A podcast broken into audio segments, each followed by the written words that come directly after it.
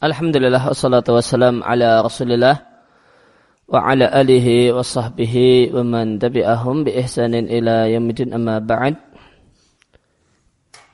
kaum muslimin rahimani wa rahimakumullah kembali kita lanjutkan bahasan tentang akhlak mulia husnudzan dari kitab husnudzan bin nas karya Abdul Malik ibn Ahmad Ramadhani Ya, penulis masih membahas di halaman 15 tentang eh, dampak eh, bentuk-bentuk buruk sangka. Eh, yang manakala hati itu isinya adalah penuh buruk sangka maka eh, terdapat banyak contoh kasus kemudian hal yang membuahkan eh, membuahkan kemudian keburukan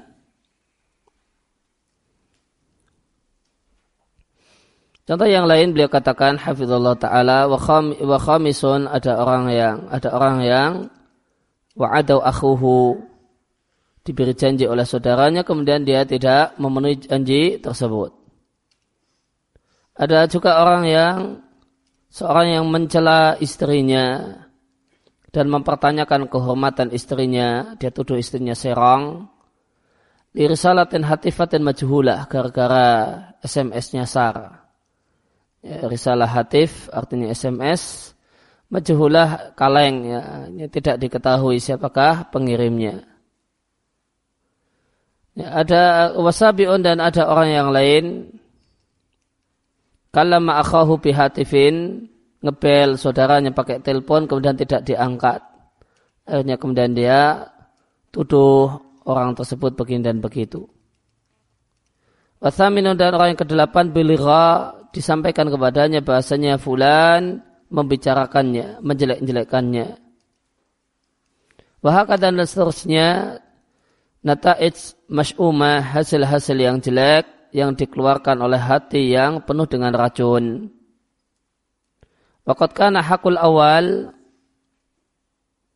dan menjadi kewajiban orang yang pertama hendaklah dia lapangkan, dia puaskan hatinya dengan mengatakan, boleh jadi saudaraku, hati saudaraku lagi sibuk karena satu musibah yang menimpa dirinya. Fakat anat ainuhu fi aini. Oleh karena itu matanya menatap mataku, namun hatinya sarhan, hatinya tidak konsentrasi. Ya laitani itu seandainya aku ada di sisinya sehingga aku bisa membantunya. Itu hendaknya yang sepatutnya kalau orang itu isi eh, hatinya isi penuh dengan buruk eh, baik sangka, demikian yang akan dikatakan oleh orang yang pertama, yaitu orang yang eh, orang yang marabihi falam salim alaihi. Ketika ada kawannya yang lewat namun tidak mau mengucapkan salam. Maka karena berbaik sangka, dia katakan boleh jadi dia lagi ada masalah, ya, lagi galau, ya, ya, ya, lagi kemudian ya, lagi kemudian ada musibah, sehingga meskipun lewat, ya, dia tidak sempat lagi mengucapkan salam. Ini ungkapan orang yang berbaik sangka. Bahakutsani dan orang yang kedua, yaitu orang yang tidak diundang ke acara pesta pernikahan, padahal itu teman dekat, maka jika hatinya adalah hati orang yang berbaik sangka, fahukosani, maka semestinya orang yang kedua mengatakan, boleh jadi dia lupa untuk mengundangku, semoga Allah memberkahi pernikahannya. Kemudian orang yang ketiga, yaitu orang yang pinjam barang kepada saudaranya namun tidak mau, dia tidak mau meminjami maka sepantasnya orang yang ketiga ini berbaik sangka dengan mengatakan boleh jadi dia memerlukan barang tersebut sehingga dia tidak mau meminjamkannya. Orang yang keempat ya, adalah orang yang mengundang saudaranya untuk acara gembira, boleh jadi syukuran, namun, namun orang yang diundang tidak hadir. Maka jika si pengundang adalah orang yang berbaik sangka, maka dia akan mengatakan, boleh jadi dia tidak bisa hadir karena ada tamu yang singgah di rumahnya atau karena faktor yang lain. Uh, kemudian orang yang kelima yaitu yang saudaranya atau kawannya menjanjikan sesuatu namun tidak dilaksanakan maka sepantasnya orang yang kelima jika dia adalah orang yang mengedepankan baik sangka mengatakan dia tidaklah meleset dari janjinya kecuali karena ada sesuatu yang mengalahkannya maka aku mohon kepada Allah Subhanahu wa taala agar Allah tidak menampakkan hal yang makruhan menyusahkan dirinya. Adapun tentang suami yang menuduh serong istrinya, menuduh selingkuh istrinya gara-gara SMS yang SMS eh, kaleng, maka hukothani, maka selayaknya orang yang keenam mengatakan al-mu'akisuna min ahlil fujur. Sehingga orang yang kirim SMS tersebut memang ahli maksiat. Kadalika yaf'alun dan demikianlah kebiasaan yang mereka lakukan. Merusak rumah tangga orang lain.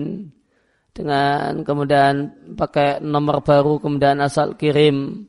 Dan merusak. Dan kirim SMS mesra kepada istri orang. Supaya ramai rumah tangganya. Boleh jadi iseng, boleh jadi memang kemudian menggoda atau yang lain.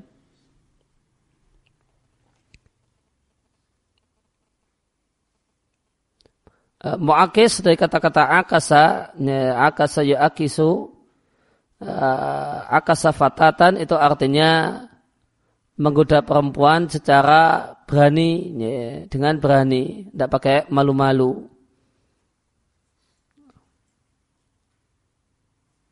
Kemudian orang yang ketujuh, orang ketujuh tadi adalah ya, orang yang ngebel saudaranya pakai telepon namun nggak diangkat. Maka selanjutnya orang yang ketujuh kalau ketika dia berbaik sangka mengatakan boleh jadi yang saya bel itu tidur. Karena ngebelnya jam 2 siang, ah, jam tidur. Au masrulun atau dia sibuk rapat. Au nasihatifa ala somit atau dia lupa ya, HP-nya dalam kondisi silent. Dalam kondisi somit, dalam kondisi diam. HP-nya kondisinya silent dia lupa karena sholat tadi Salat duhur, dia silentkan HP-nya, ya, dan dia belum aktifkan kembali. Sehingga jam 2 di bel, nggak diangkat-angkat. Dan selainnya orang yang kedelapan mengatakan, asa boleh jadi orang yang mengutip berita tersebut, mengutip sesuatu yang tidak dia pahami.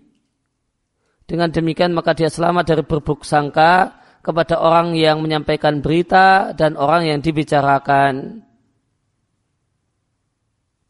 Wantilakan dan berangkat dari buruk sangka, maka orang miskin mengatakan, orang kaya tersebut tidak mau yahmilni, ini, tidak mau kemudian ngejak aku masuk ke ke mobilnya, ila likibrin karena kecuali karena dia sombong. Orang miskin yang sedang jalan kaki, kemudian tetangganya lewat, pakai mobil baru kosong, ngeblas. Maka jika berangkatnya dari buruk sangka, maka dia akan katakan, ini, sombong. Mentang-mentang mobil baru, nah, lewat, enggak pakai ngajak-ngajak. Nah.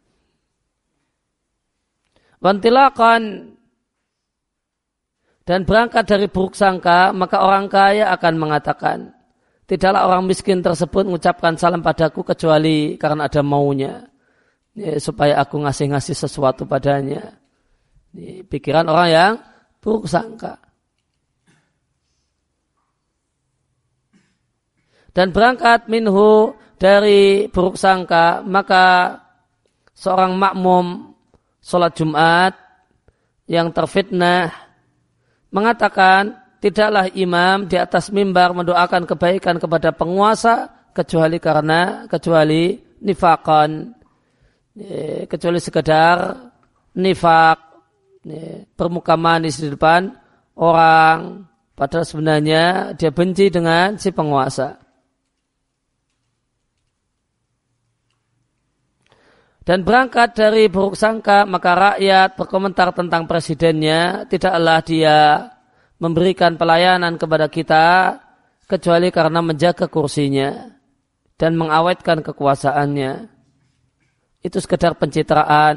Ya, itu bukan kemudian tulus mau membangun. Wantilakon dan berangkat dari buruk sangka, maka seorang kawan berkomentar tentang kawannya. Mamasya khosmi tidaklah kawanku tersebut berjalan menemani khosmi musuhku illa liusmi tapi kecuali karena dia tidak senang dengan hal yang menyusahkanku.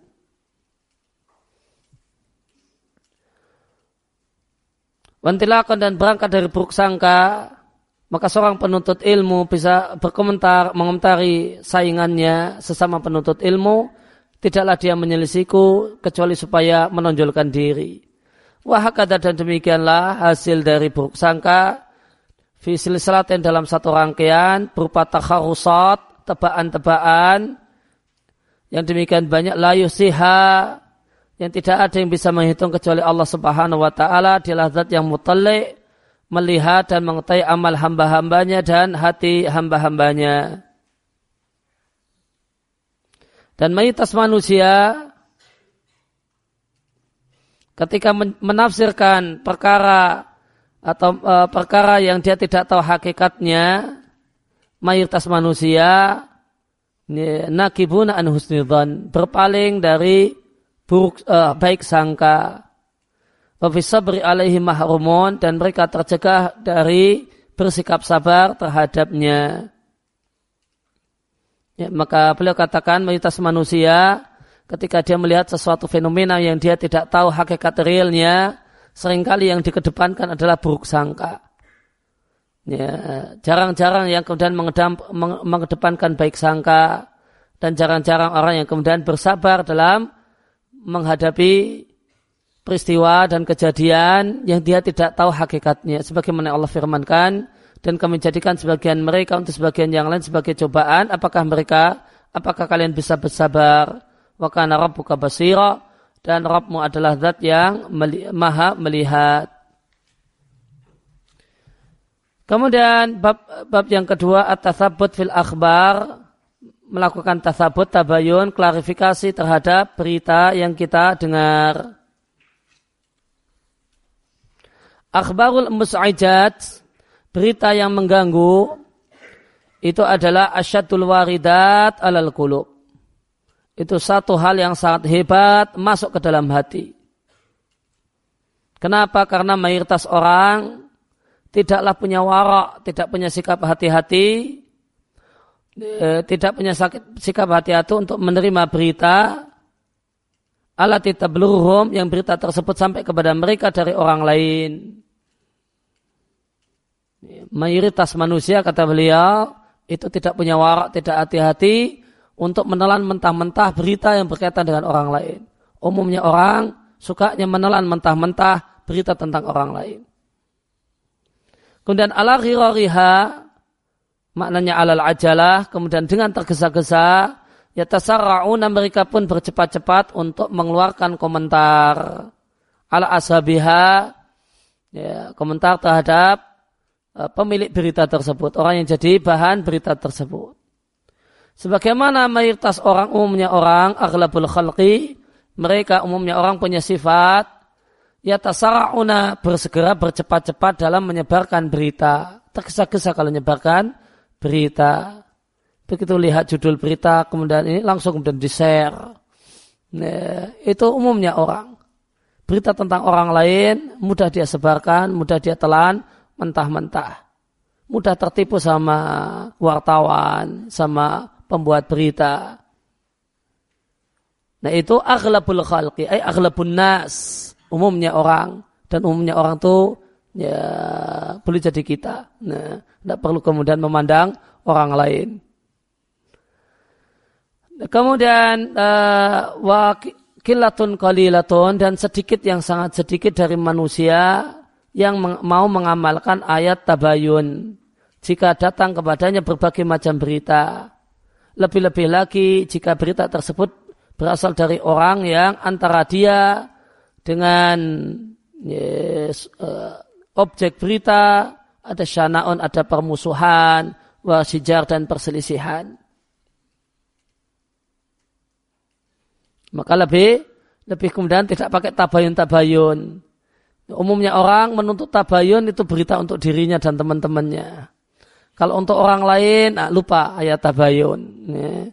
Lupa ayat tabayun. Karena apa? Karena orang lain bukan temannya, bukan keluarganya. Nah, lupa ayat tabayun. Tapi kalau itu berita tentang dirinya, tentang teman-temannya, maka dia akan katakan kepada orang, tolong tabayun dulu baru share, dicek dulu, jangan kuda langsung gegabah komentar. Nah, itu kalau untuk dirinya. Nah, untuk orang lain, umumnya orang tidak. Ilaman rahimallah. Beliau katakan kilatun qalila. Ya, sedikit yang sangat sedikit. Yang bisa bersikap objektif. Fa'ina nafsa sahihah karena jiwa yang pelit, yang pelit bihadiha dengan hal yang menguntungkannya, la yada'uha hirsuha maka semangatnya alat intisar untuk membela diri tidaklah yada'uha membiarkan dia untuk bersikap tenang dan takut kepada Allah dan bertakwa kepada Allah berkenaan dengan musuhnya dan lawannya. Maka kalau berita itu tentang berita berkaitan dengan orang yang dia dengan dia punya kebencian dan permusuhan, ya, maka karena semangat membela diri yang luar biasa, maka kemudian ada berita jelek tentang orang yang dia tidak sukai, maka akan cepat segera nge-share dan komentar. Ini, ini sebabnya kenapa? Hirs alal intisar. Ya, semangat yang luar biasa untuk intisar membela diri. Dan mau menunjukkan dulu jeleknya musuh saya. Padahal Allah Azza wa Jal ini, inilah ayat yang beliau katakan, kilatun qalilah sangat sedikit manusia yang mengamalkannya. Ayat tabayun. Itu firman Allah Ta'ala, Ya ayaladina amanu, orang-orang yang beriman, jika datang kepada kalian, orang yang jelek kelakuannya membawa berita, maka tabayun carilah kejelasannya. Lakukanlah ye, klarifikasi berita, cek dan recheck. Jangan sampai kalian menimpakan kauman, menimpakan bencana dan musibah kepada sekelompok orang satu pihak karena kebodohan. Fatus bikum dan jadilah kalian menyesali apa yang dulunya kalian lakukan. Wakat la takun athiqatu bil mukhbir dan boleh jadi kepercayaan kepada pembawa berita tidaklah lebih utama daripada athiqatu rasa percaya kepada orang yang diberitakan. Wakat yakunu al mar'u sadiqan maka boleh jadi seorang itu jujur akan tapi kali ini dia lupa atau kemudian overdosis kelewat batas Autara fahman atau salah paham. Autara isyanan atau dia kelewat batas karena memang sengaja. Semacam persaingan bainal akron antara orang-orang yang selevel. Masalan misalnya.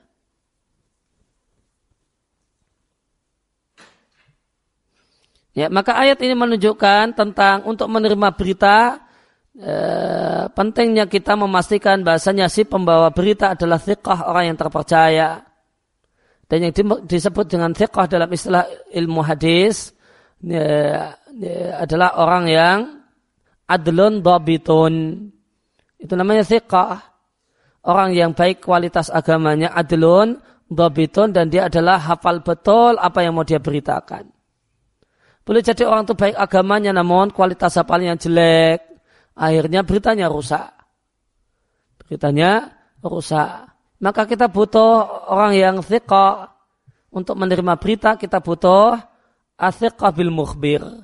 Kita bisa percaya dengan si pembawa berita.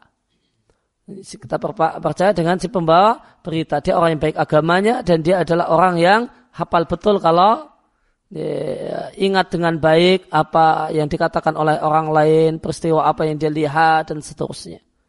Nah di sini disampaikan satu keterangan yang menarik dari penulis di sini disampaikan di samping kita butuh athiqatu bil mukhbir tidak kalah penting athiqatu bil mukhbar anhu adalah thiqah kita dengan orang yang menjadi objek berita.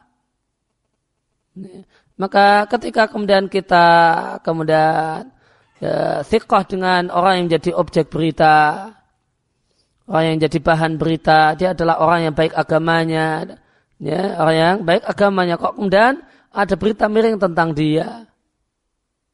Maka rasa percaya kita kepada orang yang jadi objek berita menyebabkan kita harus hati-hati dengan berita ini. Karena kita tahu track record orang tersebut, orang yang dibicarakan. Dia tidak seperti itu. Loh, kok ada beritanya kok seperti ini? Maka kita harus waspada. Boleh jadi si pembawa berita itu jujur. Namun dia lupa. Ya, atau ada yang meleset. Melesetnya itu boleh jadi karena salah paham dan boleh jadi karena memang permusuhan dikarenakan ini persaingan antara orang-orang yang selevel Dan mayoritas manusia mengutip dan menyebarluaskan dalam masalah ini berita yang salam bi ilmun yang dia tidak tahu tentangnya. Dan ini adalah satu perbuatan yang Allah celak keras. Allah memberikan celaan keras kepada sekelompok orang yang semacam ini. Dalam firmannya di surat An-Nur ayat yang ke-15. Ittalaqawnahu bi alsinatikum. Dan ingatlah ketika kalian menerima berita jelek tentang Ibunda Aisyah bi alsinatikum dengan lisan-lisan kalian. Wa taquluna bi afwahikum ma lakum bi ilmun. Dan kemudian kalian katakan dan kalian sebarluaskan dengan mulut kalian berita tersebut satu hal yang kalian tidak punya ilmu tentangnya. Ya. Maka Allah celah sekelompok orang dan ini adalah kum, ini orang-orang yang beriman, bukan orang-orang munafik yang Allah katakan. Ini celaan keras kepada orang-orang yang beriman yang menerima berita yang berasal dari orang kaf, dari orang munafik. Kemudian menyebar luaskannya. Ya, menyebar luaskannya. Malaisalakum bi ilmun. Padahal kan tidak punya beri ilmu tentang kebenaran berita tersebut. Kebenaran berita bahasanya Ibunda Aisyah itu berzina. Padahal kemudian eh, track record, kemudian eh, dari Ibunda Aisyah harusnya ya, mengendalikan orang-orang ini untuk kemudian tidak menyebar menyebarkannya. Maka Allah celah orang-orang yang ya, Allah celah orang-orang yang semodel ini semangat untuk nge-share berita yang dia tidak tahu kepastian berita tersebut.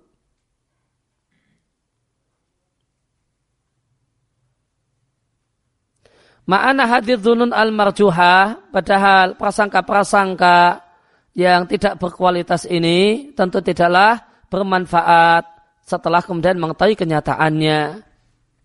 Sebagaimana firman Allah Ta'ala, tidaklah mereka mengikuti, mayoritas mereka mengikuti kecuali prasangka, dan prasangka itu tidaklah berfaedah untuk bisa melawan realita sedikit pun. Hal tersebut karena prasangka yang kosong dari indikator tidaklah tergolong ilmu atau pengetahuan. Sebagaimana firman Allah Ta'ala, tidaklah mereka memiliki ilmu kecuali sekedar mengikuti prasangka. Walidhalika oleh karena itu sering kali Allah kemudian mengkontraskan prasangka dengan ilmu. Sebagaimana firman Allah Ta'ala, apakah kalian punya pengetahuan? Maka keluarkanlah kepada kami. Jika tidak, maka tidaklah kalian mengikuti kecuali prasangka dan tidaklah kalian kecuali menebak-nebak. Allah Ta'ala juga berfirman, mereka tidaklah memiliki ilmu.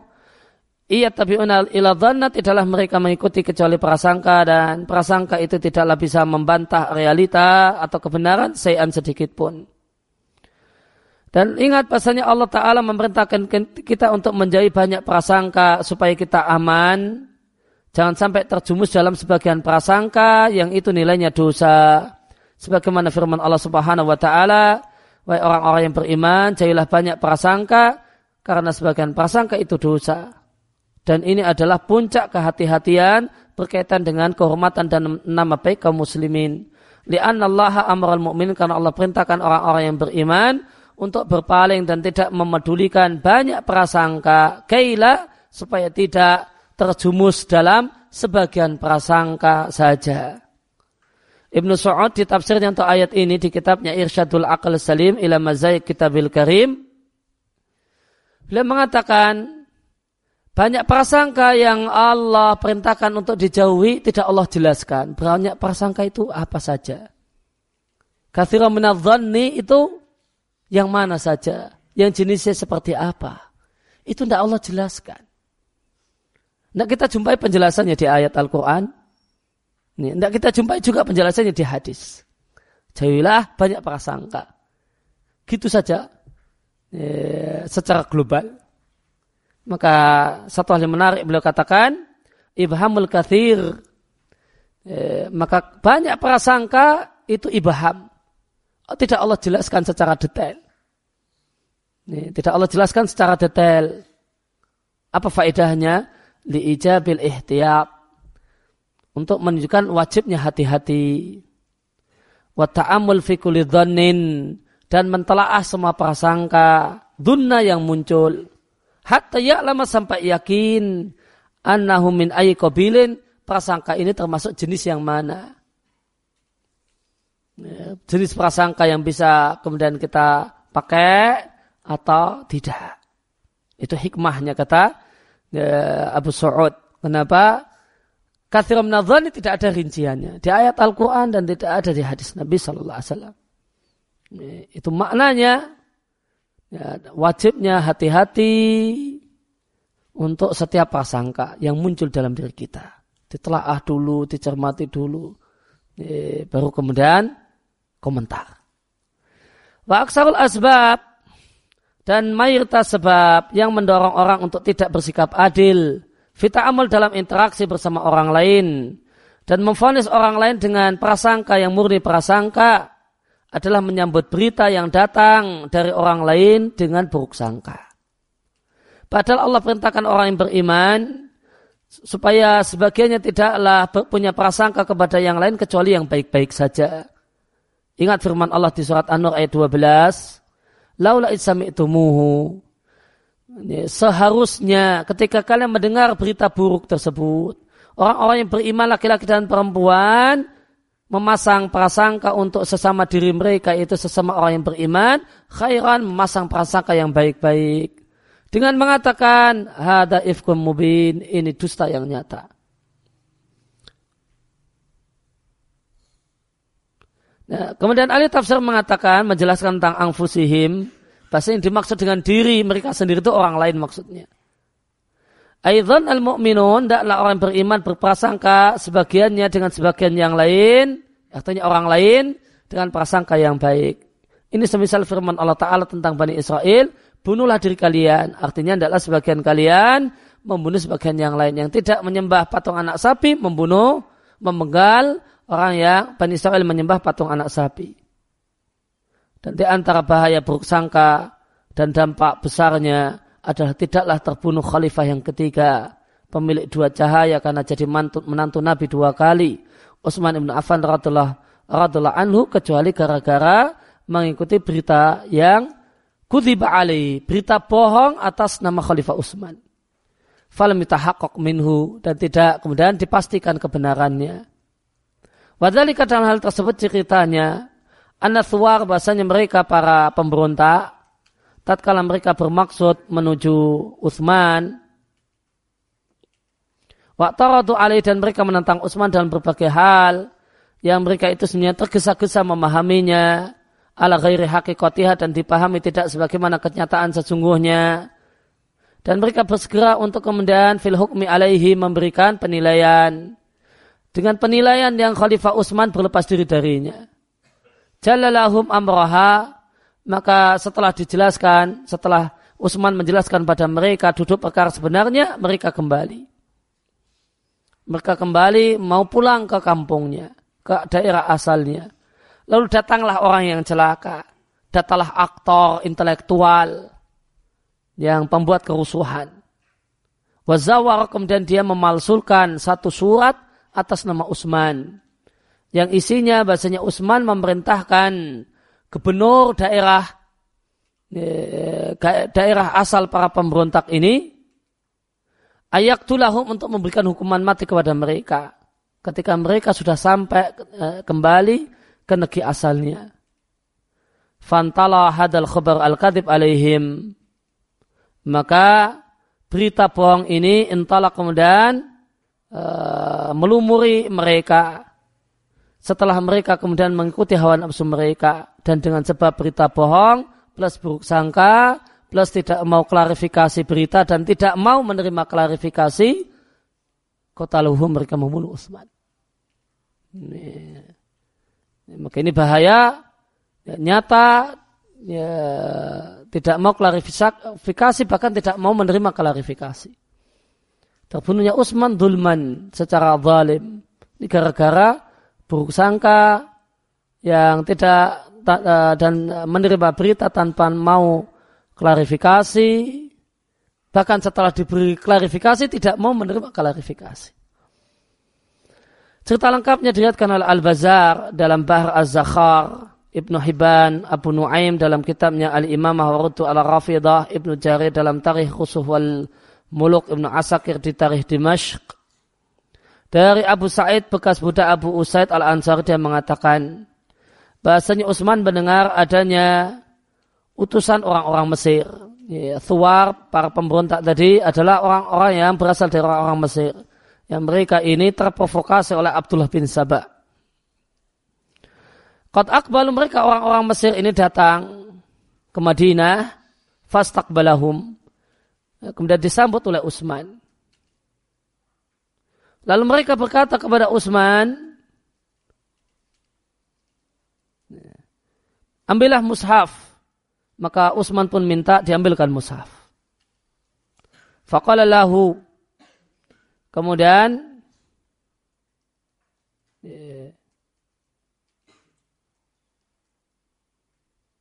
atau faqalu lahunya. Iftah sabi'ah, bukalah ayat yang ketujuh. Bukalah surat yang ketujuh. Kal, perawi mengatakan, wakanu, ya, orang di masa silam, mereka menamai surat Yunus dengan surat ketujuh. Dengan istilah sabi'ah. Bukalah surat yang ketujuh. Faqara'aha lalu Utsman pun membacanya sampai pada tiba pada ayat Qul ara'aitum Katakanlah wahai Muhammad, kabarkanlah kepadaku, ma angzalallahu lakum rizqin. Rizki yang Allah berikan kepada kalian. Faja'altum minhu haraman wa halalan. Lalu kalian jadikan sebagiannya haram, sebagiannya halal. Kul katakanlah wahai Muhammad, Allahu, apakah Allah mengizinkan kalian untuk melakukan demikian? Ataukah kalian membuat kebohongan atas nama Allah? Maka mereka para pemberontak berkata kepada Utsman, Kif, berhentilah. Ara'aita mahamaita minal hima. Maka kemudian di ayat tersebut surat Yunus 59 kemudian mereka minta klarifikasi. Kabarkan kepada kami mahamaita minal hima tentang hima. Apa itu hima catatan kaki? Himayatul hima artinya seorang itu melarang satu tempat yang penuh dengan rerumputan lira'yi untuk padang gembalaan dan melarang yang lainnya untuk ikut menggembala di situ. Maka hima di sini artinya dalam halnya adalah Khalifah Usan menetapkan satu daerah ini tidak boleh ada rakyat yang mengembalakan uh, ya, mengembala di situ. Maka orang lain tidak boleh. Usul menetapkan ini tidak boleh. Nah mereka menyangka bahasanya bahasanya padang gembalaan yang ditetapkan sebagai hima yang ini tambahan dari sebelumnya itu adalah untuk hewan ternaknya milik pribadinya Utsman. Padahal itu untuk hewan ternak milik negara. Dan jika itu untuk hewan ternak milik negara, maka dalam aturan Islam, khalifah boleh menetapkan hima. Itu menjadi hak penguasa. Ini daerah ini menjadi kalau bahasa kita hutan lindung. Ya, atau kemudian hutan negara. Orang tidak boleh memanfaatkannya. Ini hanya untuk kemudian kepentingan negara. Nah, mereka tuduh bahasanya hima itu untuk kepentingan ya, ternak-ternak milik pribadinya Utsman. Maka ini menghalalkan dan mengharamkan. Sebagiannya halal, nah ini dihubungkan dengan ayat. Sebagian padang gembalaan itu halal, sebagai laki haram. Tidak dibolehkan oleh Utsman untuk menjadi tempat gembalaan rakyat biasa. Maka mereka mengatakan apakah Allah mengizinkan anda melakukan hal demikian ataukah anda bohong atas nama Allah. Fakal lalu Utsman mengatakan amdihi lanjutkan. Nazalat fi kada wa kada. Ya, ayat tersebut turun tentang kasus ini dan itu. Kemudian beliau melakukan klarifikasi. Amal hima, adapun padang gembalaan larangan, itu untuk iblis sodakah. Itu untuk unta zakat. Itu untuk unta zakat yang dikelola oleh negara. Falam mawaladat, maka tatkala unta-unta zakat tersebut melahirkan, zadat iblis sodakah maka onta zakat itu tambah banyak. Akhirnya fazitu fil hima. Maka aku tambahkan himanya. Kemarin-kemarin daerah untuk hima padang kembalaan larangan cuma sekian di zaman Umar, ini sekarang jadi sekian di zaman Uthman. Itu gara-garanya karena jumlah eh, jumlah onta zakat tambah banyak disebabkan karena yang betina-betina pada ya, pada melahirkan. Lama zada fil bil sedekah. Ya, tatkala lama zada tatkala bertambah banyak jumlah onta sedekah. Amdihi lanjutkanlah lanjutkan kata Utsman lanjutkan baca ayat. Qalu faja'alu ya'khudunahu maka maka mereka mereka ini para demonstran ini berkal, mulailah mereka mencecar Utsman ayat per ayat. Fayaqul Utsman pun mengatakan lanjutkan ini turun tentang demikian demikian ayat lanjut. Faqala lahum maturiduna kemudian akhirnya singkat ceritanya kemudian Utsman berkata kepada mereka para demonstran apa sih yang kalian inginkan? Ya, mereka mengatakan koka. Saya ingin Anda bikin kontrak politik dengan kami. Ya. Ya, bahasa orang sekarang kan, kontrak politik. Ya, kami ingin dapat, kami dengar ingin dapatkan janji dari Anda. Fakatabu alaihi syartan.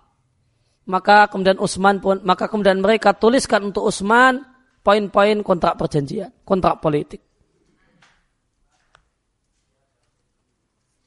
Fa'arada alaihim kemudian Utsman pun minta kepada mereka. Karena perjanjian dua belah pihak. Utsman pun uh, minta kepada mereka janji. Ala yasuku asa. Tidak merusak tongkat. Tidak merusak tongkat artinya tidak memberontak. Tidak membangkang. Wali farkuna jama'atan. Tidak menyimpang dari jamatul muslimin. Artinya tidak memberontak. Makom alahum bisyartihim. Selama Utsman melaksanakan poin kontrak politik yang mereka minta.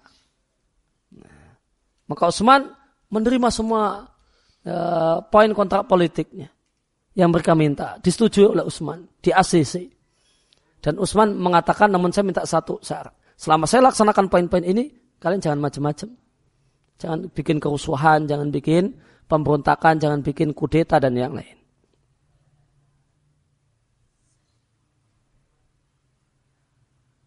Nah di antara kemudian permintaan mereka, kontrak mereka, waqala lahum, Utsman mengatakan, itu apa lain, apa yang lain yang kalian inginkan?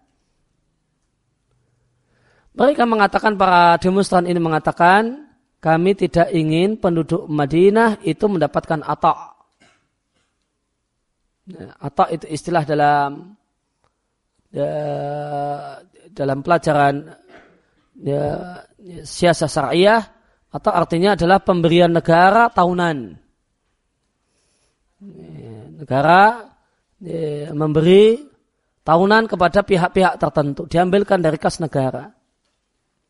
Nampaknya di sini semua penduduk Madinah, semua penduduk Madinah ketika itu pada awalnya di, diistimewakan oleh Utsman per tahun Utsman itu bagi-bagi duit diambilkan dari kas negara untuk semua penduduk Madinah per tahun Ya, kalau bahasa sekarang ya mungkin ada gaji 13, kan setahun sekali. Nah, bukan bulanan, kalau apa ini tahunan. Ya, kalau apa ini tahunan ya, ya gaji 13 atau semacam itu kalau bahasa sekarang.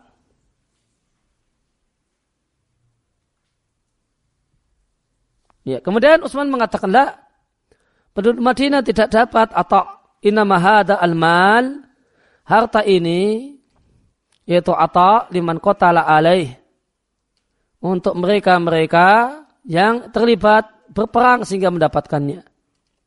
Mendapatkannya sebagai ghanimah. Yang sebagian yang eh, sebagian ghanimah itu masuk ke kas negara.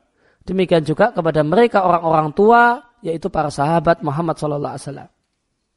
Ya sudah, atoknya itu dikhususkan untuk dua jenis manusia. Ini saya putuskan kata Utsman. Atau itu khusus untuk dua jenis manusia. Pertama sahabat Nabi semuanya. Meskipun mereka nggak ngapa-ngapain, ada pemberian pemberian tahunan dari Baitul Mal. Kemudian yang kedua adalah mereka para tentara yang terlibat dalam e, jihad. Faradu e, para pemberontak ini atau para demonstran ini rela wa akbalu ma'ahu ilal Madinah radin.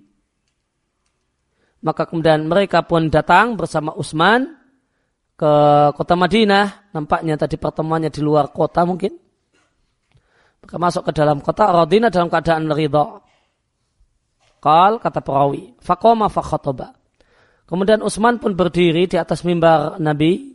Kemudian mengumpulkan penduduk Madinah dan menyampaikan ceramah. Isi ceramahnya, siapa yang punya kebun, maka adalah dia urusi kebunnya.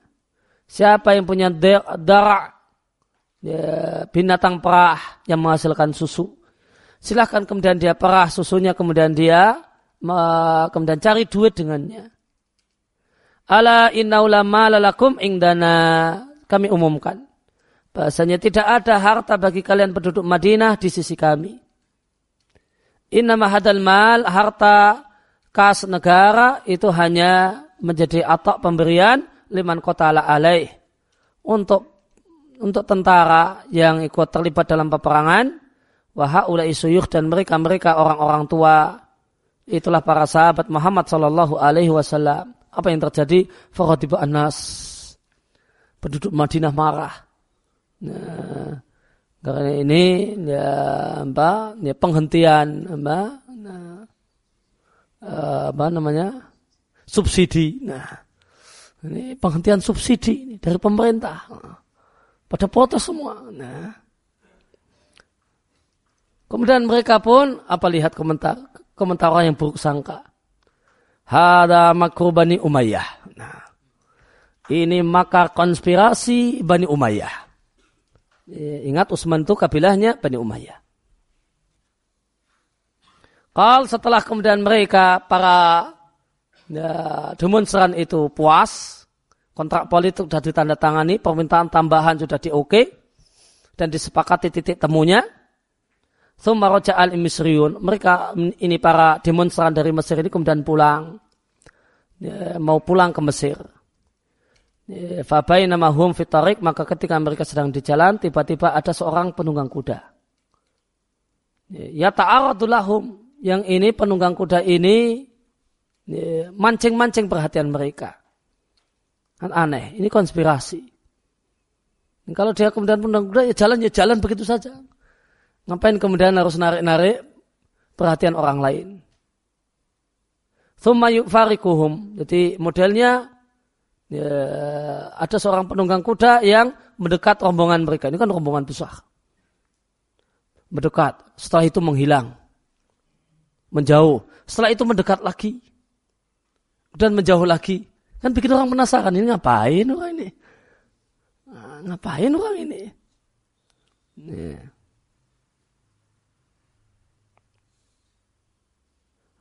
ya ta'arat lahum summa yufarikuhum. Ya, dan mendekat kemudian menjauh. Summa yarji ilaihim kemudian balik lagi. Summa yufarikuhum kemudian menjauh lagi. Dan coba apa enggak kemudian uh, ini kemudian uh, kemudian tindakan politik yang sangat kemudian lucu. Wa isabuhum mendekat sambil nyaci maki.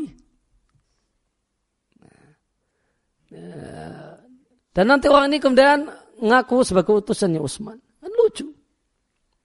Kalau ini utusan rahasia Usman, masa kemudian uh, kayak gini.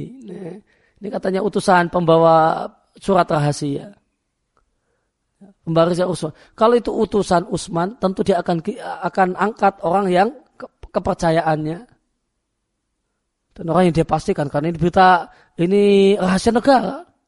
Ya, sangat rahasia. Nah, ya, ini dokumen negara. Masa kemudian Intel kemudian uh, kemudian malah cari masalah, kemudian cerita kalau saya ini Intel, kan? oh ini Intelnya negara kemudian malah demikian. Ini politik yang kemudian sangat kelihatan kalau itu ya, konspirasi dan bukan ya, dan bukan satu hal yang asli. Akhirnya mereka pun kemudian mengatakan, ada apa dengan anda?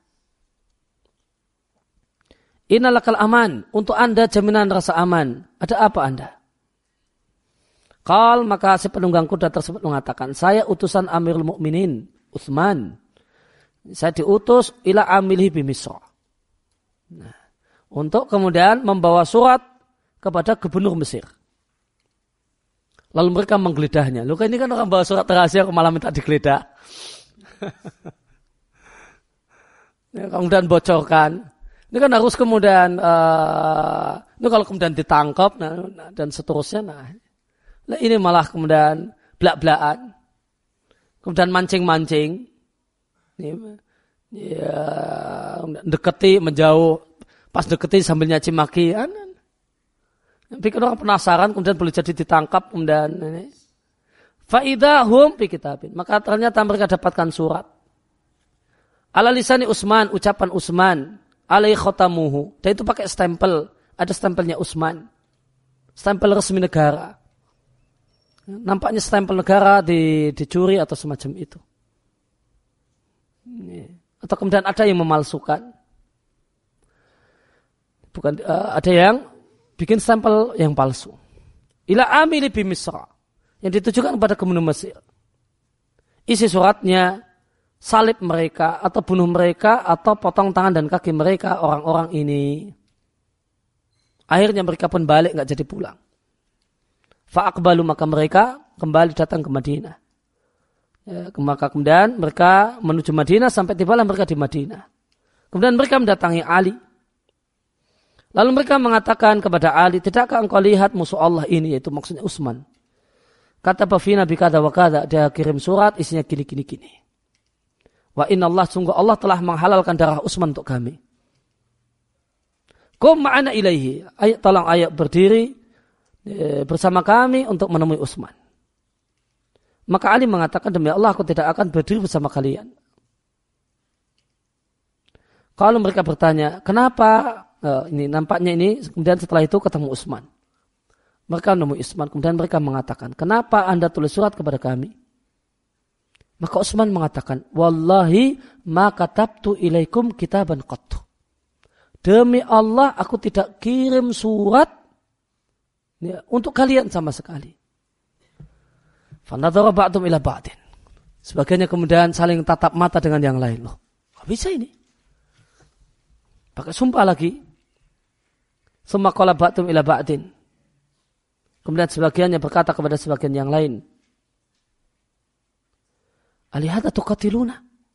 Apakah kalian akan berperang gara-gara hal ini? Berita yang nggak jelas? Ada berita begini namun orangnya mengingkarinya? Pakai sumpah? Aulihat takdubuna apakah karena hal ini kemudian kalian marah-marah? Ada sebagian orang-orang insaf dari mereka, orang-orang yang ya, masih kemudian cerdas di antara mereka.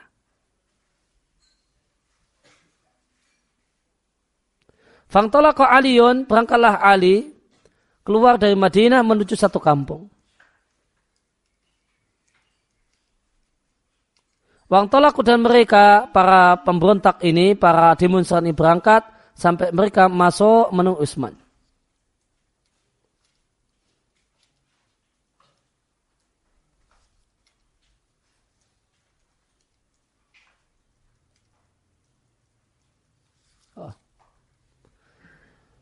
Hmm, ternyata atau bukan demikian berarti nanti belum ketemu Utsman.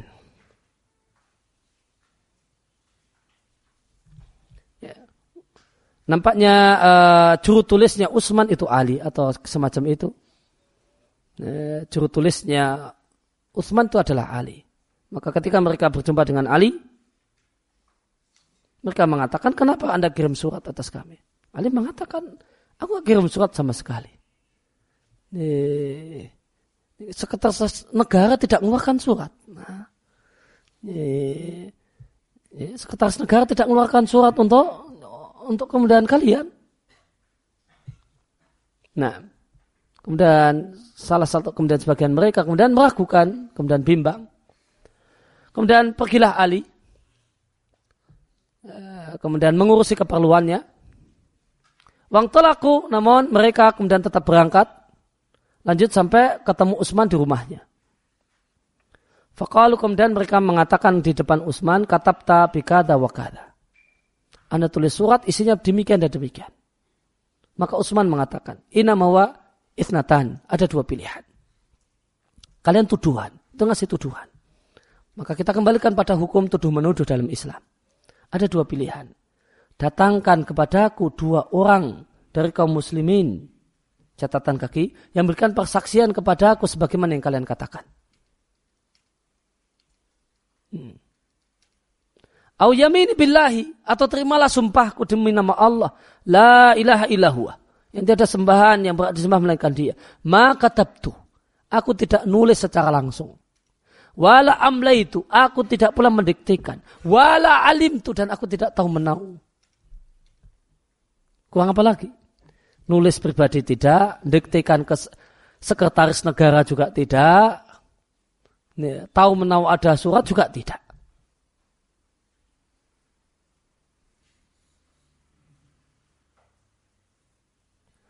Waqat ta'lamuna dan kalian tahu bahasanya surat itu yuktab ala lisani rajuli. Ditulis pakai kemudian uh, dengan perkataan dari berdasarkan perkataan seseorang. Waqat yungkosu al khotam al khotam. Usman kemudian mengatakan dan stempel itu bisa dipalsukan. Yungkosul khotam al khotam. Stempel bisa yungkos itu diukir karena stempel di masa silam itu pakai batu yang kemudian diukir. Maka uh, yungkos al khotam al khotam. Maka ini stempel yang terbuat dari batu kemudian bisa diukir batu yang lain yang disamakan dengan stempel tersebut. Atau bahasa bebasnya, ya, stempel bisa dipalsukan. Kalau alasannya stempel, stempel bisa dipalsukan kata Usman. Non mereka tidak menerima klarifikasi dan mereka tidak bisa mendatangkan. Kalau mereka ngerti hukum dan faham hukum, ya benar aja katakan Usman, dua pilihan. Datangkan saksi kalau saya nulis. Kalau tidak saya sumpah selesai. Saya orang yang tertuduh. Ya, maka yang menuduh ini. Ya, kalau menuduh kewajibannya mendatangkan bukti, buktinya saksi. Kewajiban yang dituduh bersumpah, saya berlepas diri. Namun mereka kemudian tetap ngotot dan mengatakan wallahi ahalallahu tamaka. Demi Allah, Allah telah halalkan darahmu. Akhirnya naqadul ahda wal mithaq. Tadi ada kontrak politik sama Utsman. Akhirnya mereka batalkan perjanjian wal mithaq dan kontrak politik yang telah mereka sepakati. Fahasaruhu lalu mereka mengepung rumah Utsman. Lalu satu ketika rumah Utsman itu dibenteng. Satu ketika Utsman melongok pada mereka pada satu hari. Melongok kemudian naik ke bentengnya kemudian mengatakan Assalamualaikum. Maka aku tidak mendengar satupun dari orang maka aku tidak mendengar satupun dari orang yang Radda alaihi assalam. Menjawab salamnya Utsman. Illa ayarudda rajulun finafsi. Kecuali satu orang saja yang menjawab lirih untuk dirinya sendiri. Ya, kemudian Utsman mengatakan, ya, aku tanya, ya, aku sumpah kalian dengan nama Allah Subhanahu wa taala. Apakah kalian tahu bahasanya akulah yang membeli membeli kemudian sumur rumah dengan hartaku. Ingat tidak, bahasanya akulah yang membeli sumur rumah. Dan itu pakai duit pribadiku. Di masa Nabi Shallallahu Alaihi Wasallam, Utsman membeli satu sumur yang dibutuhkan oleh kaum muslimin. Yang ketika kaum muslimin itu mengambil air di situ maka harus, harus membayar mahal dengan orang Yahudi. Nah, maka kemudian Utsman yang membelinya dengan harga tanpa tawaran. Tanpa nawar. Berapa harga yang diajukan oleh Yahudi? Dibeli. Dikasih Yang penting saya beli. Setelah itu diwakafkan untuk kaum muslimin. Faja'al tu lalu aku jadikan risa'i fiha risa'i rajulin minal muslimin. Risa artinya tali ember untuk ngambil air. Maka aku jadikan tali emberku itu sebagaimana tali ember kaum muslimin yang lain. Bukan mentang-mentang karena Utsman itu yang beli kemudian yang wakaf. Kalau kemudian Utsman ngambil air kemudian istimewa. Nah. Meskipun Utsman yang beli, kemudian Utsman yang wakafkan, ketika dia ngantri, ya ngantri. Nomor 10 ya nomor 10. Nah. Kemudian, kemudian setelah embernya Utsman datang, Utsman datang kemudian, karena ini yang wakaf kemudian jadi langsung antriannya jadi nomor satu. Betul, Utsman yang beli. Utsman yang kemudian wakaf. Ketika dia perlu air, ngambil sumur di sumur rumah, ngantri sebagaimana yang lain ngantri. Gak ada istimewa untuk tali emberku dibandingkan dengan tali ember kaum muslimin yang lain. Lihat bagaimanakah contoh orang yang wakaf yang ikhlas. Lain halnya dengan orang-orang yang wakaf dan tidak ikhlas. Ya. Karena kemudian ini wakaf tanah maka harus dia jadi ketua takmir masjidnya. Kan? Atau kemudian dia dan anak keturunannya yaitu yang harus jadi ketua takmirnya. Kan? Nah, lihat wakaf yang ikhlas ya seperti Usman ini. Kemudian akan dia diwakafkan ya sudah. Sederajat dia dengan jamaah yang lain, sederajat dia dengan orang Islam yang lain. Jangan kemudian dilihat, oh ini yang beli, oh ini yang wakaf, itu nggak usah dilihat. Kila, maka mereka menjawab, nah betul. Lalu jika demikian alamat tamna'uni. Atas alasan apa kalian larang aku untuk minum dari sumur rumah? Hatta uftir ala ma'il bahar. Sampai akhirnya kemudian aku harus minum dengan air laut maka mereka mengepung rumah Utsman dan mereka ketika mengepung tersebut sampai mereka larang Utsman untuk ya, untuk kemudian ngambil air dan seterusnya. Aku sumpah kalian dengan nama Allah. Apakah kalian tahu bahasanya saya pernah membeli sekian-sekian dari tanah. Fazitu fil masjid. Dan itu kuwakafkan untuk masjid Nabawi untuk pelebaran masjid. Mereka mengatakan, iya, naam, iya. Betul kami ingat. Maka apakah kalian tahu ada seorang yang dilarang ayo fihi untuk sholat di masjid Nabawi sebelum aku. Tidak ada. Dan Utsman dilarang untuk sholat ke masjid. Oleh para pemberontak ini, oleh para demonstran ini. Orang yang kemudian menduduki rumah Utsman ini yang ngepung, rumah Utsman ini. Aku sumpah kalian dengan nama Allah. Apakah kalian mendengar Nabi Allah menyebutkan demikian-demikian tentang keutamaan Utsman? Asya'a berbagai hal mensani tentang Utsman yang disebutkan oleh Utsman satu persatu. Maka di sini kita lihat ada perbuatan Utsman ini dalil bahasanya mungkin boleh jadi boleh kita menyebutkan kebaikan-kebaikan kita, jasa-jasa kita kepada orang yang kurang ajar. Karena tidak tahu jasa kita dan lupa dengan jasa kita. Utsman tidak menganggap ini satu hal yang membatalkan ya, membatalkan amalnya. Ya, Utsman tidak menilai semacam itu. Maka ini bisa jadi dalil bahasanya mengingatkan orang tentang jasa-jasa yang kita miliki kepada orang-orang yang kurang ajar dan seakan-akan tidak tahu jasa orang yang berjasa, maka satu hal yang diperbolehkan. Warwa itu dan aku lihat Utsman melongok mereka pada satu ketika yang lain memberikan nasihat mengingatkan mereka namun mereka tidak mau mengambil nasihat. Thumma ma'ahada kemudian setelah itu semua mereka membunuh Utsman ba'daha setelahnya. Maka lihatlah apa yang dilakukan oleh berita terhadap kaum muslimin sehingga mereka menyelisih perintah Al-Quran untuk tabayun. Dan mayoritas manusia modelnya semodel ini. Ya, model mereka-mereka para pemberontak ini. Para demonstran Utsman itu. Itu mayoritas manusia modelnya seperti itu. Tidak mau tabayun. La tarfa alaihim ayat tabayun. Ya, mereka tidaklah sama artinya mereka tahu ayat tabayun akan tapi dalam saat praktek mereka buta dengan ayat tabayun wa inna lillahi wa inna ilaihi wa inna uh, wa inna ilaihi rajiun. Demikian yang kita baca sembatan surah ini sallallahu alaihi wasallam Muhammadin wa ala wa alhamdulillahi rabbil alamin. Subhanakallahumma bihamdika asyhadu an la ilaha illa anta astaghfiruka.